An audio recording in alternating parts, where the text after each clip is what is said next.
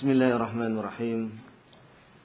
إن الحمد لله نحمده ونستعينه ونستغفره ونعوذ بالله من شرور أنفسنا ومن سيئات أعمالنا.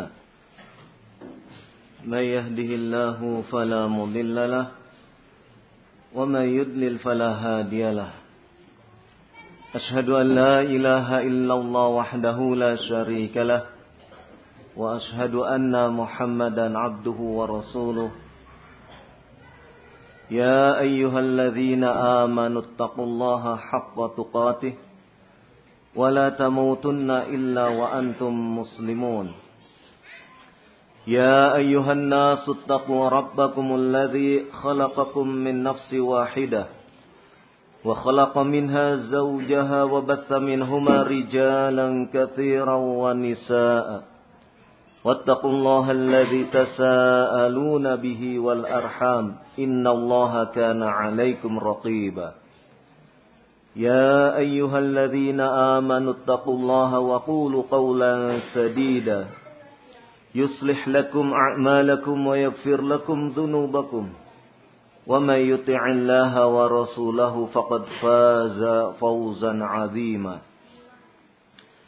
أما بعد فإن أصدق الحديث كتاب الله وخير الهدي هدي محمد صلى الله عليه وعلى آله وسلم وشار الأمور محدثاتها فإن كل محدثة بدعة وكل بدعة ضلالة وكل ضلالة في النار Tajuk yang diangkat pada malam hari ini menumbuhkan rasa kepedulian terhadap sesama. Apa itu peduli? Peduli secara bahasa, kalau kita membuka kamus besar bahasa Indonesia, arti kepeduli yaitu menghiraukan, memperhatikan, atau mengindahkan atau yang semakna dengan itu. Seseorang yang penuh perhatian berarti ia peduli. Seseorang yang menghiraukan, mengindahkan apa yang terjadi di sekitarnya itu berarti ia peduli. Jadi peduli itu adalah sebuah sikap. Sebuah sikap yang memiliki keberpihakan untuk melibatkan diri dalam satu keadaan atau kondisi yang terjadi di lingkungan atau di sekitarnya. Manakala seseorang memiliki sikap untuk memperhatikan anak yatim di satu tempat atau di satu lingkungan berarti sikap memperhatikan ia terhadap anak yatim itu adalah bentuk kepeduliannya. Manakala seseorang di satu tempat ataupun lingkungan ia melakukan satu tindakan, melakukan satu penyikapan terhadap perilaku yang negatif yang muncul di lingkungan sekitarnya. Maka orang tersebut sudah menunjukkan sikap kepedulian. Peduli dalam rangka untuk menolak peristiwa ataupun tindakan-tindakan negatif yang dilakukan oleh satu orang atau sekelompok orang. Dengan kata lain, contoh yang pertama tadi, ia memperhatikan anak yatim, merupakan sikap yang ma'ruf itu adalah menunjukkan sikap kepedulian. Contoh yang kedua, ia menolak sesuatu yang mungkar, sesuatu yang negatif yang terjadi di lingkungannya atau yang lebih familiar kita sebut dengan menolak kemungkaran. Nahyu anil mungkar. Maka sikap ini pun menunjukkan sikap kepedulian.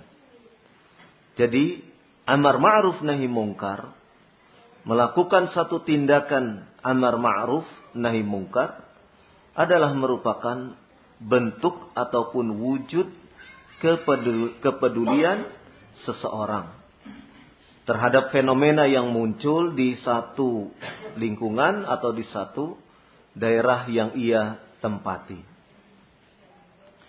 Jadi orang yang peduli adalah orang yang terpanggil untuk melakukan sesuatu.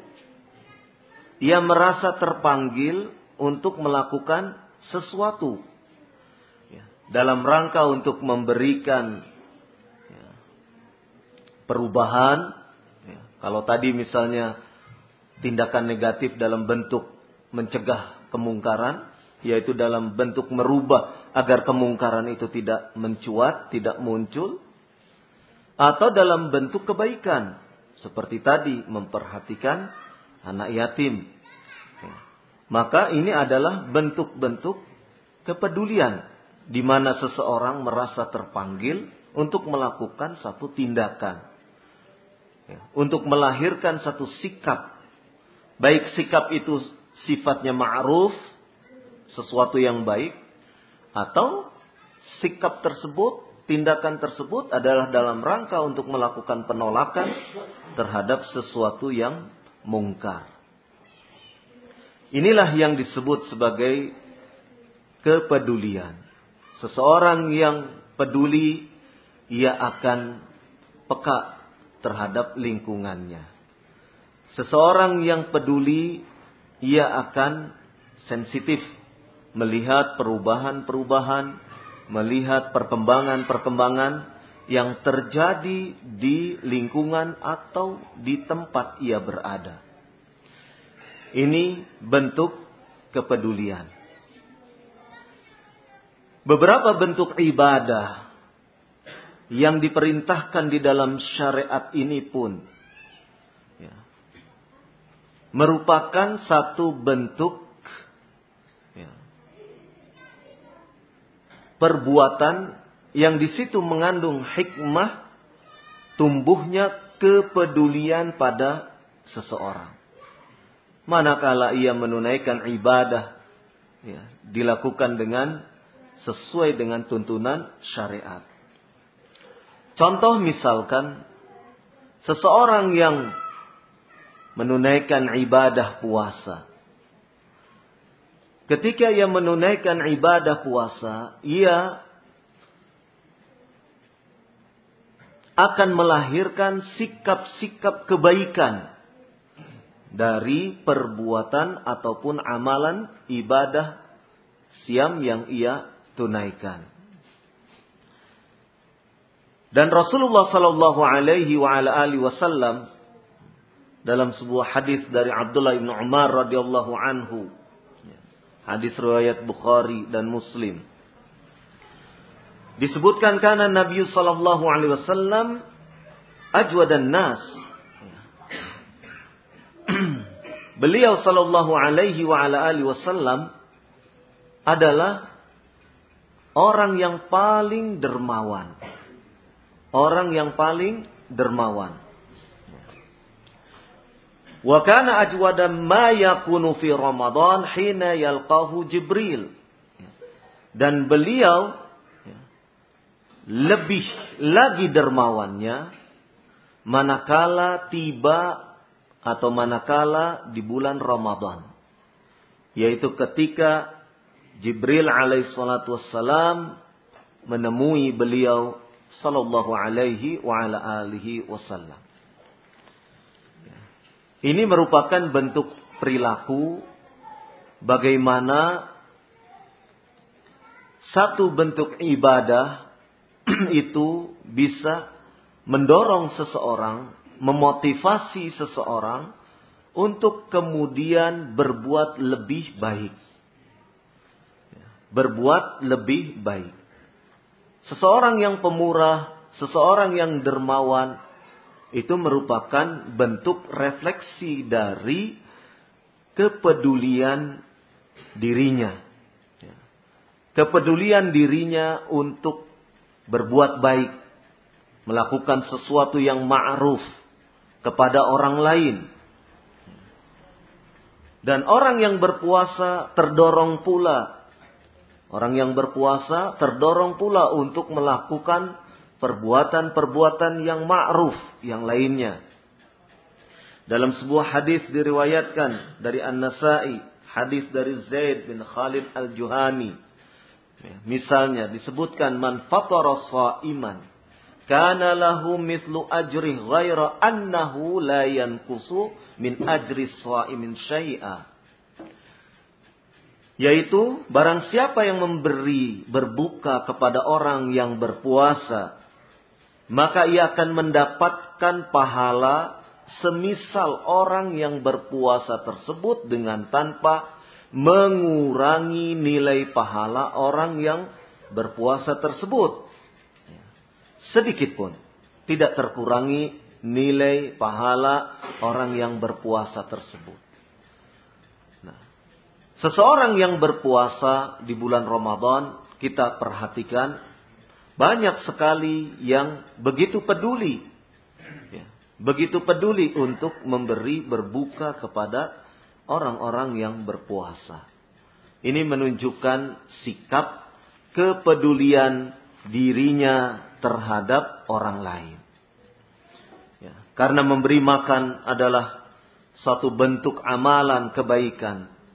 Memberi makan adalah merupakan satu bentuk perbuatan yang ma'ruf. Yang banyak dituntunkan di dalam syariat ini. Nah, dorongan untuk memberi makan, memberi berbuka ya, ya, kepada seseorang yang tengah berpuasa itu menunjukkan kepedulian dia. Kepedulian untuk memberikan sesuatu yang bermanfaat bagi orang yang berpuasa dalam bentuk berbuka tersebut. Ini contoh bahwasannya seseorang yang melakukan kebaikan, seseorang yang melakukan ibadah dalam hal ini adalah berpuasa, bisa menjadi sebab tumbuhnya kepedulian pada dirinya. Manakala ibadah-ibadah tersebut ditunaikan dengan baik. Manakala ibadah-ibadah tersebut ditunaikan dengan tuntunan sesuai dengan tuntunan syariat. Ya. Ini adalah bentuk kepedulian. Sehingga tumbuh seseorang ingin menolong, sehingga tumbuh pada diri seseorang ingin berbuat baik ya. ketika ia tengah menunaikan siam ataupun menunaikan puasa di bulan Ramadan tersebut.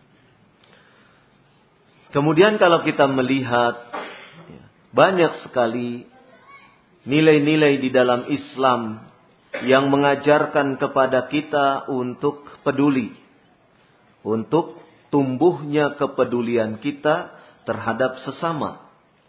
Sesama itu bisa dalam wujud seorang anak, sesama itu bisa dalam wujud sekelompok anak, sesama itu bisa dalam wujud ya, seorang ibu, sekelompok ibu, umahat, sesama tersebut bisa dalam wujud masyarakat ya, yang sedemikian luas.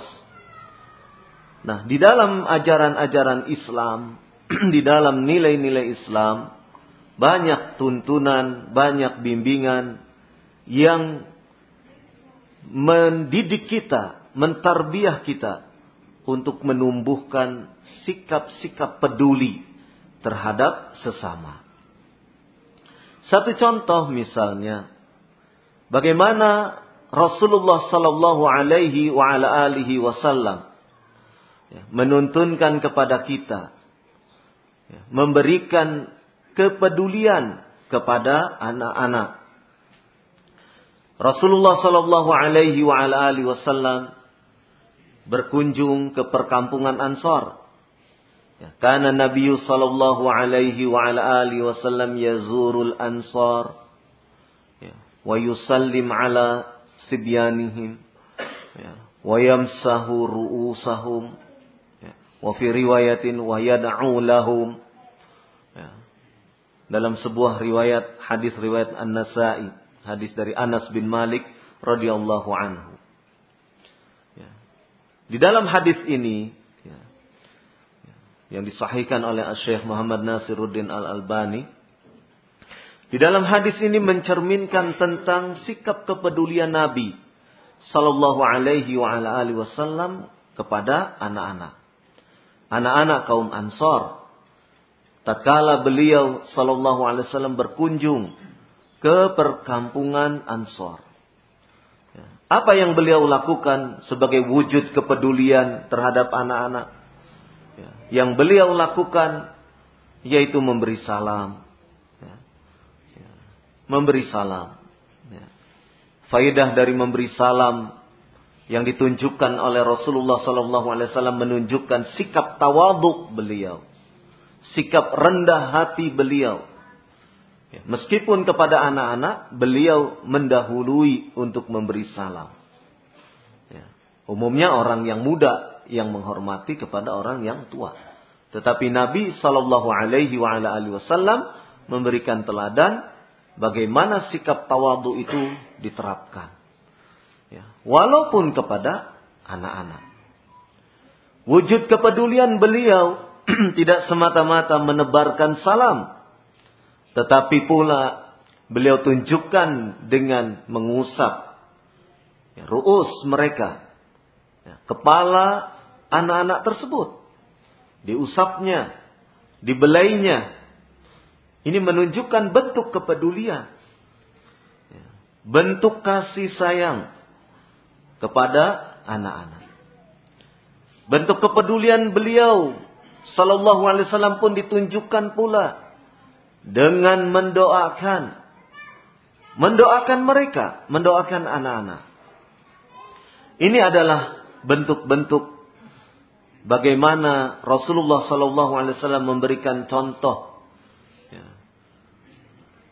sikap peduli kepada anak-anak. Seseorang yang tidak memiliki kepedulian kepada anak-anak mungkin ya akan bersikap biasa saja kalau ada anak-anak. Ya, acuh-acuh saja. Ya. Tidak ada kepekaan, tidak ada sensitivitas, tidak ada kepedulian. Ya, anak-anak lewat, anak-anak di depan, tidak ada perhatian. Tidak mengindahkan, tidak menghiraukan. Biasa saja. Tetapi Rasulullah Sallallahu Alaihi Wasallam justru memberikan bentuk-bentuk perhatian dan tidak semata-mata memperhatikan, tetapi mewujudkannya dalam refleksi sikap yang sangat positif. Ya, memberi salam, mengusap, membelai, dan mendoakan. Ya.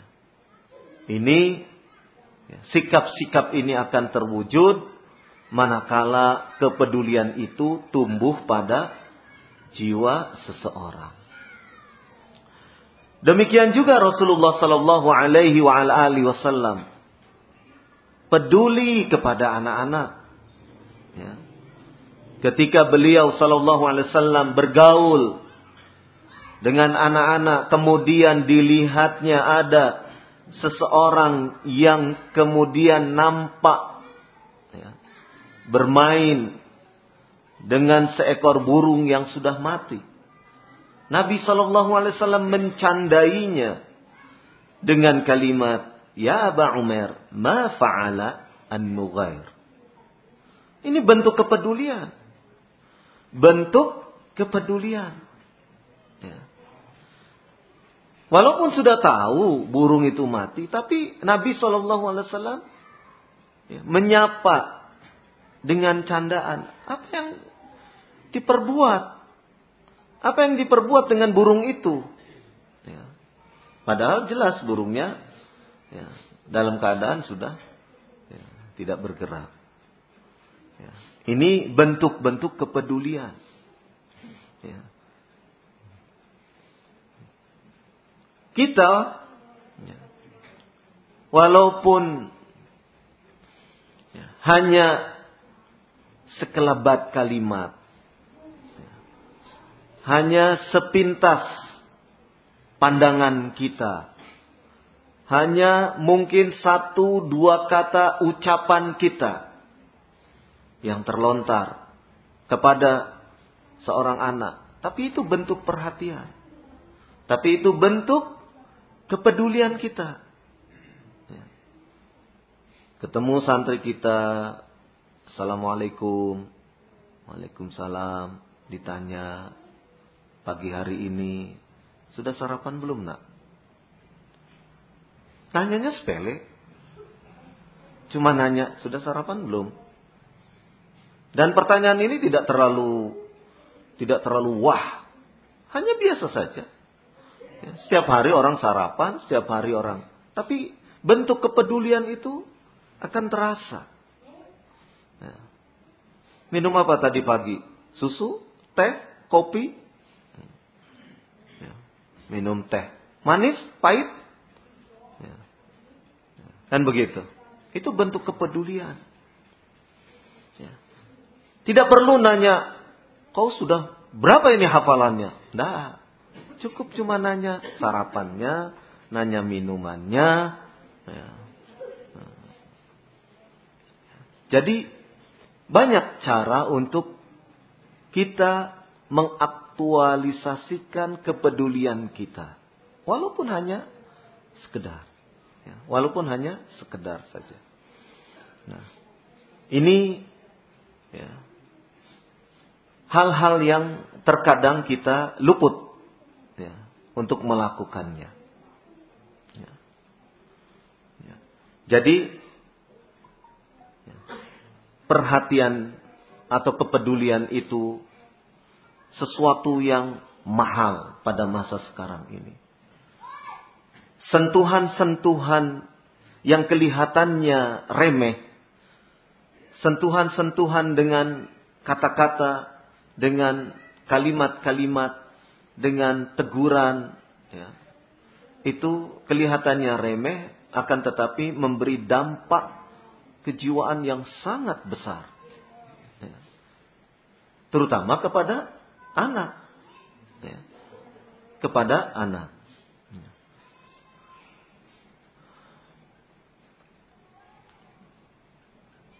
Dan bagaimana Rasulullah Sallallahu Alaihi Wasallam begitu peduli Beliau tunjukkan sikap beliau kepada cucunya. Ya. Kepada salah satu cucu Nabi Sallallahu Alaihi Wasallam beliau menciumnya. Ketika apa yang diperbuat oleh Rasulullah Sallallahu Alaihi Wasallam ini dilihat oleh seorang sahabat ya, yang bernama Aqra bin Habis radhiyallahu anhu. Kata sahabat yang mulia ini, saya memiliki sepuluh orang anak. Tetapi tidak satu pun dari ke sepuluh anak saya itu pernah saya cium. Maka Rasulullah Sallallahu Alaihi Wasallam memandang kepada sahabat yang mulia ini yang telah berucap seperti tadi.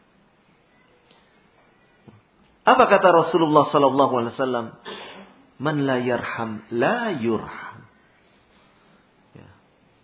Barang siapa yang tidak menyayangi, maka ia tidak akan disayangi. Ya. Menunjukkan bahwasannya apa yang diperbuat oleh Rasulullah sallallahu alaihi wasallam adalah contoh kepedulian beliau. Bukan semata-mata karena itu adalah cucunya. Tetapi beliau menunjukkan juga kepada anak-anak yang lainnya. Ini salah satu bentuk wujud bagaimana contoh kepedulian kepada sesama. Ya, sesama di sini adalah dalam bentuk sosok seorang anak. Sekelompok anak. Ya. Sehingga manakala kita ya, memiliki sikap-sikap kepedulian, itu akan sangat bermanfaat manakala kita berinteraksi dengan sesama kita. Ya. Kemudian ya, bentuk kepedulian yang lain, Nabi misalnya Nabi Shallallahu Alaihi Wasallam ya, dalam sebuah hadis dari sahabat yang mulia Abi Qatadah radhiyallahu anhu. Hadis riwayat Bukhari. Rasulullah sallallahu alaihi wasallam hendak menunaikan salat. Bahkan disebutkan bahwasannya beliau hendak menunaikan salat, saya ingin menunaikan salat yang lama, panjang bacaannya. Bacaan di dalam sholat tersebut panjang. Namun tatkala beliau sallallahu alaihi wasallam mendengar ada seorang anak yang kemudian menangis. Niat beliau sallallahu alaihi wasallam yang akan menunaikan sholat itu dengan lama dengan bacaan yang panjang kemudian diurungkan Salat adalah ibadah yang mulia. Ya. Salat adalah merupakan sesuatu yang digemari, disukai oleh Nabi Sallallahu Alaihi Wasallam. Ibadah yang agung. Tetapi pelaksanaan ibadah yang agung tersebut, ya, ibadah yang disukai oleh Rasulullah Sallallahu Alaihi Wasallam tersebut, kemudian dengan sebab ada seorang anak yang menangis, ibadah itu yang tadinya ingin berlama-lama, kemudian diurungkan niatnya dan diringkas. Ya. Kenapa demikian? Kata Rasulullah Sallallahu Alaihi Wasallam, karahiyati an ala ummi. Hanya dengan sebab itu. Ya. Saya tidak suka. Tidak suka. Ya.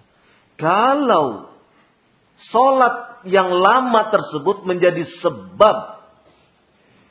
Menjadi sebab apa? Ya. Masyakoh. Menjadi sebab seorang ibu menjadi susah. Padahal sholat adalah ibadah yang luar biasa agung.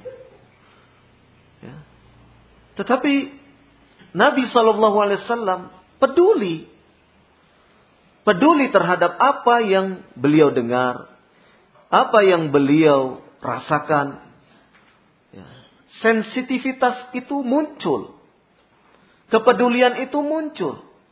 Sehingga beliau mengurungkan niatnya karena mendengar, hanya karena mendengar seorang anak yang menangis. Ini bentuk kepedulian Rasulullah Sallallahu Alaihi Wasallam. Ini bentuk rahmah beliau kasih sayang beliau. Seorang umahat saja, satu orang ibu saja. Ya. Ya. Ya. Itu jangan sampai tersakiti. Ya. Beliau tidak suka kalau satu orang ibu saja kemudian menjadi susah dengan sebab perbuatan beliau. Ya. Luar biasa akhlaknya. Akhlak beliau sallallahu alaihi wasallam sangat luar biasa. Seorang ibu saja tidak ingin menjadikan ya, dengan sebab perbuatan beliau, perbuatannya itu apa? Ya, perbuatannya sholat. Bayangkan, sholat, perbuatan yang agung. Ya. Itu dengan sebab perbuatan yang sedemikian agung saja beliau tidak ingin menjadikan seorang ibu itu kemudian kesusahan, galau, ya. gundah gulana, gelisah, karena anaknya menangis. Ya. Beda dengan orang zaman sekarang. Kata-kata yang meluncur sedemikian tajam, sedemikian mengiris hati, ya, itu tidak teranggap. Kata-kata yang sedemikian menyakitkan hati pun ya, tidak akan terasa kalau itu menyakiti. Ya. Kata-kata, perbuatan, sikap fisik. Ya.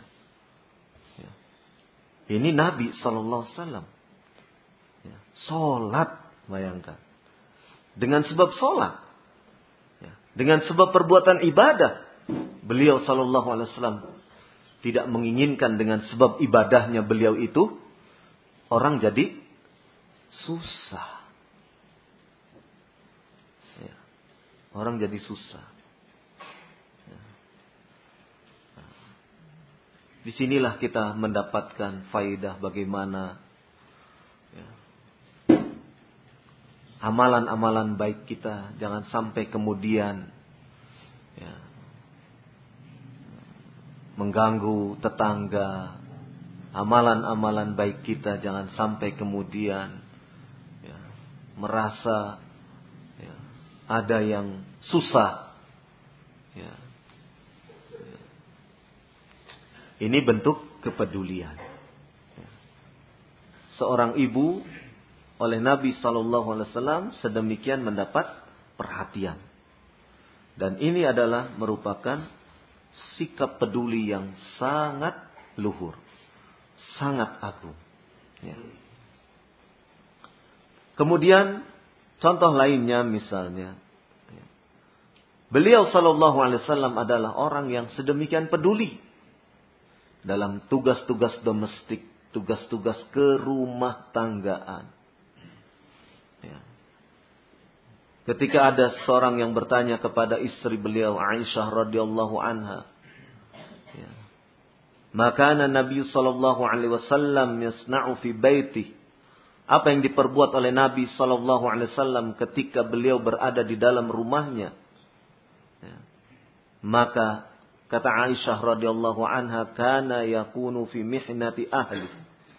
Ya. Beliau sallallahu alaihi wasallam membantu ya, tugas membantu pekerjaan-pekerjaan keluarganya.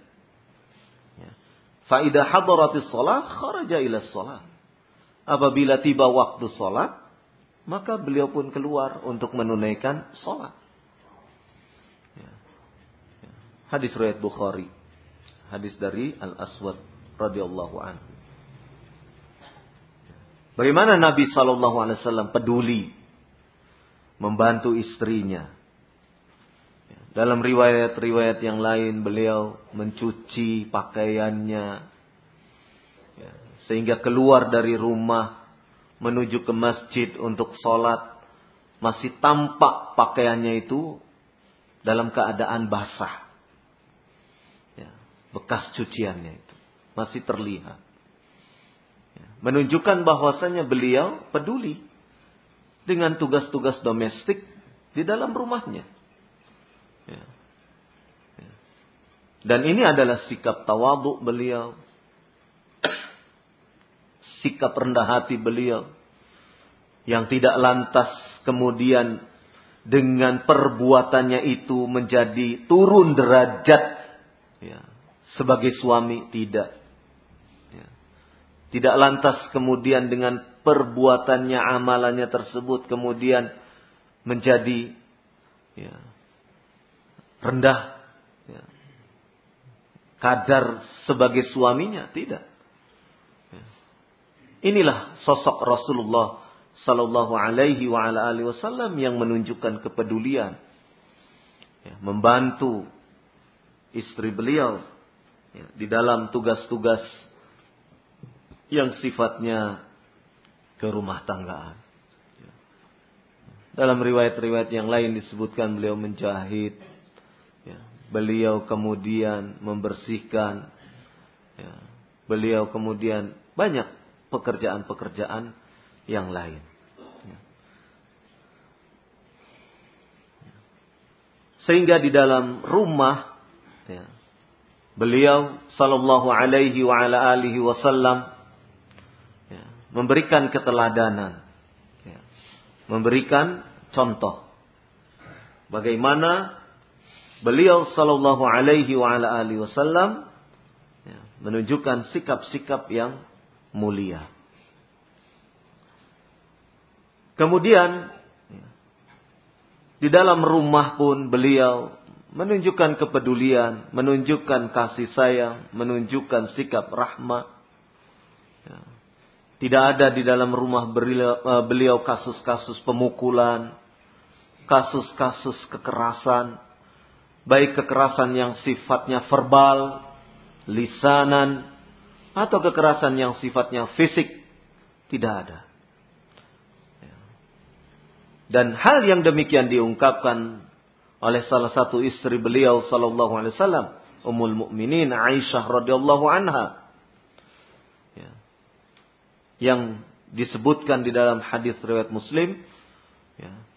Ma daraba Rasulullah sallallahu alaihi wa ala alihi wasallam syai'an qat biyadihi wala imra'atan wala khadiman illa ay yujahida fi sabilillah Rasulullah sallallahu alaihi wasallam tidak pernah memukul dengan tangannya sedikit pun Rasulullah sallallahu alaihi wasallam tidak memukul istrinya tidak memukul pembantunya. Rasulullah Sallallahu Alaihi Wasallam menggunakan tangannya untuk memukul ketika sedang berjihad di jalan Allah Subhanahu Wa Taala. Ini menunjukkan bagaimana kepedulian Nabi Sallallahu Alaihi Wasallam, sikap-sikap yang sedemikian besar, perhatiannya kepada orang-orang yang di bawah tanggung jawabnya di dalam rumah tersebut. Sehingga dari sini menunjukkan bagaimana perhatian, bagaimana mengindahkannya Nabi Shallallahu Alaihi Wasallam kepada orang-orang yang ada di sekitarnya.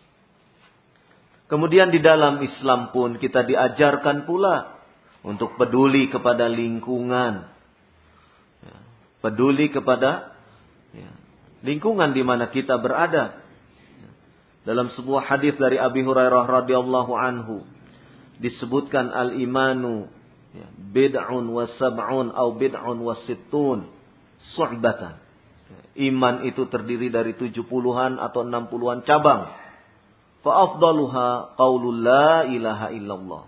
Cabang yang paling utama yaitu mengucapkan la ilaha illallah, mengucapkan kalimat thayyibah Wa adnaha kemudian cabang yang paling rendah imatatul adha anit tariq. Ya, yaitu menyingkirkan sesuatu yang mengganggu di jalan. Wal haya'u suhbatun minal iman. Dan malu itu adalah termasuk cabang dari keimanan. Hadis riwayat Bukhari dan Muslim. Di dalam hadis ini disebutkan wa adnaha imatatul adha anit tariq. Dan cabang keimanan yang paling rendah adalah ketika seseorang menyingkirkan sesuatu yang mengganggu jalanan. Orang yang peduli lihat paku di jalan itu disingkirkan. Orang yang peduli lingkungan lihat batu yang sekiranya ini membahayakan. Dia akan turun dari kendaraannya, dia akan turun dari sepeda motornya, dia akan menyingkirkan batu tersebut. Itu peduli. Ya. Itu peduli. Ya. Ya. Tidak lantas kemudian, ah, genwai lah. Nggak sempat. Ya. Itu bukan wujud kepedulian. Ya. Bayangkan, batu saja kita peduli. Kalau itu menyangkut sesuatu yang akan mengganggu, ya, mengganggu sekian banyak orang yang lewat. Ini wujud kepedulian. Kalau kepada yang sifatnya batu, ya, ya, yang sekiranya itu bisa bahkan bisa mencelakakan, mencederai orang lain, ya, tentu perkara-perkara yang lain yang lebih daripada ini, ya, sekedar batu, tentu kita akan lebih peduli lagi. Ya, ada kulit pisang di tengah jalan. Ya, kita kan tidak tahu yang lewat ini siapa. Jangan kemudian beranggapan, ah, ya, saya cuma istri, anak, ya, ya sabodoting. Kan begitu. Ya. Kalau itu menimpa ke kakek kita yang sedang jalan, kepleset, jatuh. Ya. Namanya jatuh kan kayak seperti orang sliding tackle itu kan. Kaki menjulur ke depan, tangan sikutnya menahan, ceduk. Bagi orang tua bisa patah. Tulang tangannya. Atau mungkin tulang Eh, di belakangnya atau yang lainnya. Ya, Nauzubillah. Ya. Hanya gara-gara kulit pisang. Ya. Nah, kepedulian kita tentunya bukan semata-mata ya, bukan semata-mata ya, perlunya penyelamatan, perlunya mencegah hal-hal yang tidak diinginkan. Tetapi lebih dari itu kepedulian kita adalah peduli untuk menghidupkan sunnah-sunnah Nabi Sallallahu Alaihi Wasallam. Peduli untuk menghidupkan sunnah Rasul Sallallahu Alaihi Wasallam. Dalam hal apa? Dalam hal imatatul ada anit tariq.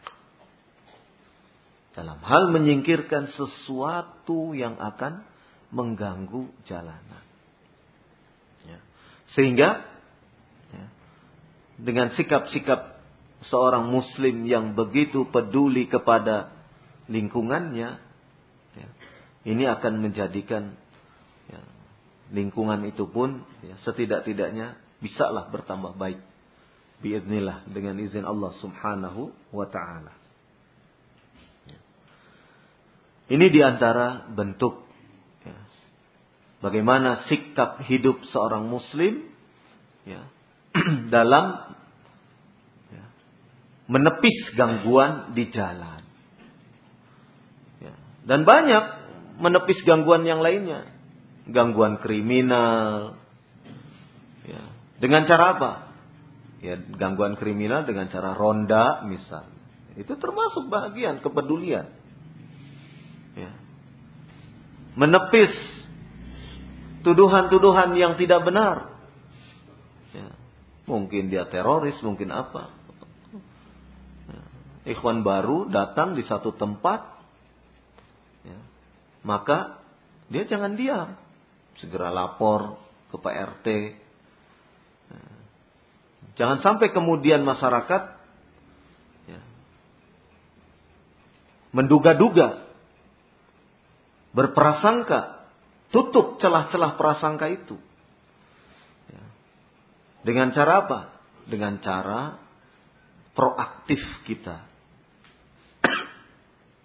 Jangan sampai nanti masyarakat sudah ribut baru kita memadamkan apinya. Itu akan lebih sulit. Maka tutup celah-celah yang sekiranya bisa menimbulkan madarat bagi diri kita, keluarga kita, terlebih bagi dakwah. Terlebih bagi dakwah. Maka kalau kita hadir di satu tempat, tempat itu baru, ya kunjunglah ke rumah Pak RT. Pak RT, saya warga baru, saya mau ngontrak di rumah di sana. Tapi ini surat-surat saya masih belum siap untuk uh, saya laporkan kepada Bapak RT. Mungkin dalam dua tiga hari ke depan akan saya siapkan. Begitulah Minimal ada kata pembuka. Sehingga orang tidak kemudian menaruh kecurigaan. Sehingga orang kemudian tidak menaruh prasangka yang jelek. Ya. Apalagi tampilan kita berjenggot, panjang, lebat, berkopiah. Ya. Musim penangkapan teroris. Nah. Istri bercadar. Ya. Dan seterusnya. Maka tepislah dugaan-dugaan yang tidak perlu itu. Ya. Tepislah prasangka-prasangka yang bisa menjadikan kondisi tidak kondusif. Ya. Sehingga masyarakat pun tidak terganggu dengan kehadiran kita. Ya. Masyarakat tetap nyaman. Walaupun kita hadir di tengah-tengah mereka. Dan Rasulullah Shallallahu Alaihi Wasallam mengajarkan kepada Abu Dhar Al-Ghifari radhiyallahu anhu. Bagaimana menepis dugaan-dugaan yang tidak baik. Bagaimana memperlakukan ya, tetangganya. Bagaimana ya, membangun sikap-sikap yang kondusif. Ya. Di antaranya Rasulullah Sallallahu Alaihi Wasallam mengajarkan kepada Abu Dar radhiyallahu anhu, ya wahai Abu Dar manakala engkau masak, ya perbanyak maroknya, perbaik perbanyak airnya, ya, sehingga memperbanyak kuah, yang kuah itu lantas engkau bagikan kepada tetangga. Ya, bagikan kepada tetangga. Rasulullah Wasallam tidak memerintahkan perbanyak dagingnya, tidak. Ya. Tapi yang diperintahkan oleh beliau Shallallahu Alaihi Wasallam perbanyak airnya. Ya. Satu hal yang mudah. Satu hal yang mudah. Ya. Ya, kalau soto banyak dagingnya bukan soto kan. Soto itu banyak airnya. Dagingnya cuma sapotong dua potong lah. Kan tidak berat memberi sesuatu. Tidak berat ya, membagi sesuatu. Berbagi ya, dengan tetangga itu adalah contoh. Ya. Dan ini termasuk sunnah. Kalau kita melakukannya, kalau kita melakukannya, termasuk menghidupkan sunnah Nabi Sallallahu Alaihi Wasallam. Ya. Tidak semata menebarkan salam, tidak. Membagi sesuatu yang Mungkin menurut kita remeh hanya semangkok soto kepada tetangga. Ya. Ya meskipun tidak 40 tetangga kita bagi semua. Kalau ada ya walhamdulillah. Kalau tidak ada yang kanan kiri. Ya, hari ini yang kanan. Pekan depan yang kiri. Ya. Bulan depan yang di depan rumah kita. Ya, tahun depan yang di belakang rumah kita. Kan tidak terlalu sulit. Tetapi Ya. Dari sini menunjukkan bahwasannya memberi kepada tetangga itu wujud perhatian. Ya. Bukan sekedar semangkok dua mangkok sayur itu saja bukan, tetapi kepedulian kita, perhatian kita kepada tetangga. Ya, ya kalau tetangga kita istrinya sakit, ya dimintalah istri kita menengoknya. Itu ibu fulana tampaknya sakit. Saya dengar kabar sakit. Coba tolong tengok. Ya, istri kita yang datang. Ini kepedulian. Ya, kepedulian ya, terhadap lingkungan di mana kita berada. Ya. Dan banyak lagi, ya, banyak lagi hal-hal yang ya, mendorong kita ya, dalam sebuah hadis Rasulullah Sallallahu Alaihi Wasallam bertanya, siapa yang hari ini berpuasa? Kata Abu Bakar, saya ya Rasulullah. Kemudian Rasulullah Sallallahu Alaihi Wasallam bertanya lagi, siapa yang pagi hari ini sudah ya, uh, menengok atau menengok orang yang sakit? Kata Abu Bakar, saya. Kemudian ditanya lagi siapa yang pagi ini sudah ikut mengiringkan jenazah saya. Kemudian ditanya lagi siapa yang pagi ini sudah memberi makan ya, orang miskin. Kata Abu Bakar saya. Ya, kata Rasulullah Sallallahu Alaihi Wasallam, barang siapa yang mengumpulkan empat amalan ini, barang siapa yang mengumpulkan empat amalan ini, maka balasan bagi dia adalah jannah. Balasan bagi dia jannah. Hadis ini ya, memberikan motivasi kepada kita bagaimana peduli, ya, bagaimana peduli kepada orang yang sakit, peduli kepada orang yang ditimpa musibah, ya, dengan meninggalnya seseorang yang yang dicintainya, peduli kepada orang miskin ya, dengan memberi makan Sedemikian besar kepedulian yang diajarkan di dalam Islam. Ya. Sehingga empat amalan ini manakala terkumpul pada seseorang, ya, maka balasan bagi dia adalah jannah. Dan banyak lagi, ya, seperti misalnya peduli terhadap orang-orang yang tengah kesulitan. Ya. Dalam hadis-hadis yang banyak sekali, ya, bagaimana Rasulullah Sallallahu Alaihi Wasallam ya, mendorong kita, memotivasi kita untuk memberikan pertolongan kepada orang-orang yang sedang kesusahan. Dalam sebuah hadis disebutkan man farraja an muslim kurbatan farrajallahu anhu biha kurbatan min kurabi yaumil qiyamah. Barang siapa yang ya, membantu memberikan kelapangan ya, sehingga menjadikan seorang muslim itu lapang, tidak kesusahan, tidak kesulitan. Ya, melepaskan kesulitan seorang muslim, maka Allah akan melepaskan ya, kesulitan dari kesulitan-kesulitan di hari kiamat pada dirinya. Sedemikian besar, sedemikian agung menolong ya, orang-orang ya, yang tengah mengalami kesulitan. Dan ini adalah bentuk kepedulian. Ini adalah bentuk kepedulian. Ya, kalau kita tidak bisa memberikan dalam bentuk yang sifatnya finansial, ya, dalam bentuk finansial, bentuk materi, ya minimalnya kita doa. Ya, doa untuk ya, agar orang tersebut terlepas dari kesulitan-kesulitan yang mengungkunginya. Kita berdoa kepada saudara kita yang tengah mengalami kesulitan. Ya, dengan tanpa tahu orang yang kita doakan. Ya, orang yang kita doakan itu dia tidak tahu kalau kita kita doakan. Itu adalah perbuatan yang terpuji. Ya, para malaikat pun para malaikat pun akan mendoakan kita. Bagimu yang semisal, bagimu yang semisal. Ini adalah hal-hal yang perlu mendapatkan perhatian kita terkait dengan masalah kepedulian ini. Dan banyak sekali salafun saleh memberikan contoh-contoh. Ya.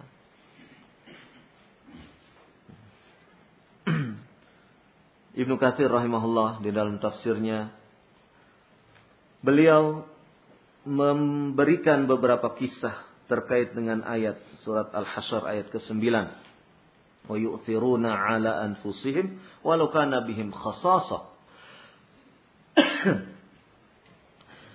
mereka mengutamakan orang-orang muhajirin atas diri mereka sendiri.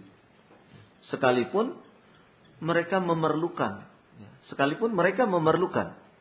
Memerlukan apa yang mereka berikan tersebut. Ini contoh. Jadi bagaimana para sahabat Nabi Shallallahu Alaihi Wasallam mendahulukan orang lain, sementara dirinya sendiri membutuhkan. Ya.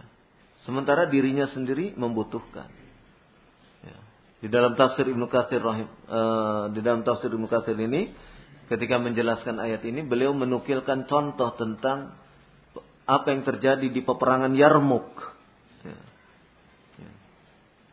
Ketika Ikrimah terluka, kemudian ada satu orang lagi terluka, kemudian satu orang lagi terluka, tiga orang terluka. Ketiga-tiganya memerlukan air minum. Kemudian ada orang yang membawa air minum diberikan kepada yang pertama. Ketika yang pertama hendak meminum, yang kedua mengerang kesakitan kemudian belum air itu diminum, tolong berikan kepada yang mengerang kesakitan itu. Diberikan kepada orang yang kedua. Ketika orang yang kedua ini hendak meminum, dia mendengar erangan yang lainnya. Kesakitan, ingin minum juga. Mendengar itu, yang kedua ini berikan kepada yang membutuhkan air itu. Ketika berjalan kepada yang ketiga ini, yang ketiga sudah meninggal dunia.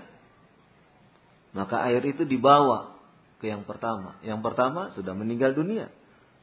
Kemudian dibawa ke yang kedua. Yang kedua pun meninggal dunia. Ketiga-tiganya meninggal dunia. Air itu dalam keadaan masih utuh. Padahal yang pertama butuh minum. Yang kedua butuh minum. Yang ketiga butuh minum. Tapi satu dengan lainnya saling mendahulukan. Luar biasa. Ya. Ini contoh kepedulian yang luar biasa. Sangat tinggi sekali.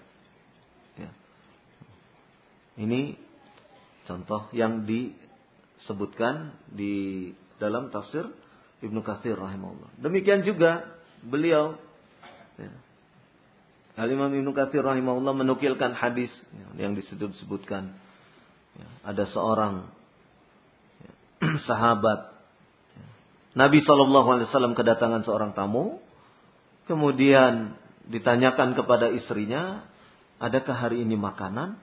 Kita kedatangan tamu, kata istrinya yang ada cuma air putih. Ya. Kemudian Nabi Wasallam membawa tamu ini kepada para sahabat. Siapakah di antara kalian yang akan menjamu tamuku ini? Salah seorang sahabat acungkan tangan. Saya ya Rasulullah. Maka kemudian ya, sahabat ini pulang ke rumahnya, memberitahu istrinya, adakah makanan hari ini, malam ini? Ya. Ada. Ya. Sepotong roti. Dan ini pun jatah anak kita. Makan malam, jatah makan malam anak kita. Ah, sudah, tidurkan saja anak kita.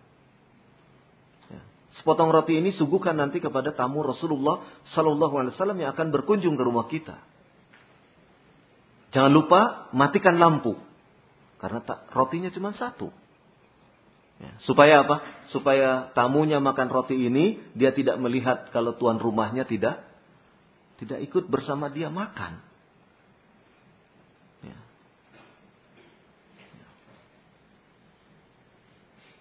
Bayangkan. Salafun soleh.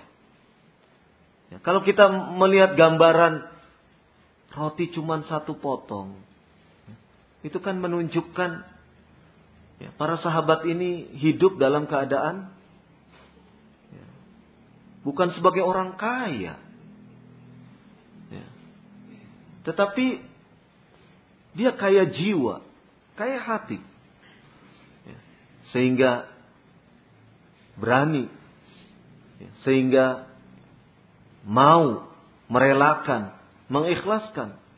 Ya, apa yang sebenarnya itu adalah kebutuhan bagi keluarganya, tetapi ia dahulukan orang lain. Wa yu'thiruna ala anfusihim walau kana bihim. Ya. Mereka lebih mengutamakan orang lain meskipun mereka sendiri membutuhkan. Meskipun mereka sendiri membutuhkan. Ini contoh-contoh bagaimana kepedulian itu harus kita tumbuhkan. Ya. Ya banyak tantangannya. Tantangannya sikap malas kita. Tantangannya sikap bakhil kita. Tantangannya ya, sedikitnya atau sedikit gregetnya kita ya, terhadap situasi, kondisi yang ada di sekitar kita. Ya, sikap acuh tak acuh. Ya. Nah, mungkin melalui contoh-contoh tadi kita bisa mengambil pelajaran ibrah ya, sehingga kita belajar untuk menumbuhkan. Kalau yang sudah tumbuh, pelihara, pupuk terus ya, dan menjadikan dan kemudian bisa menjadikan amalan-amalan keseharian kita ya, bentuk-bentuk kepedulian. Ya.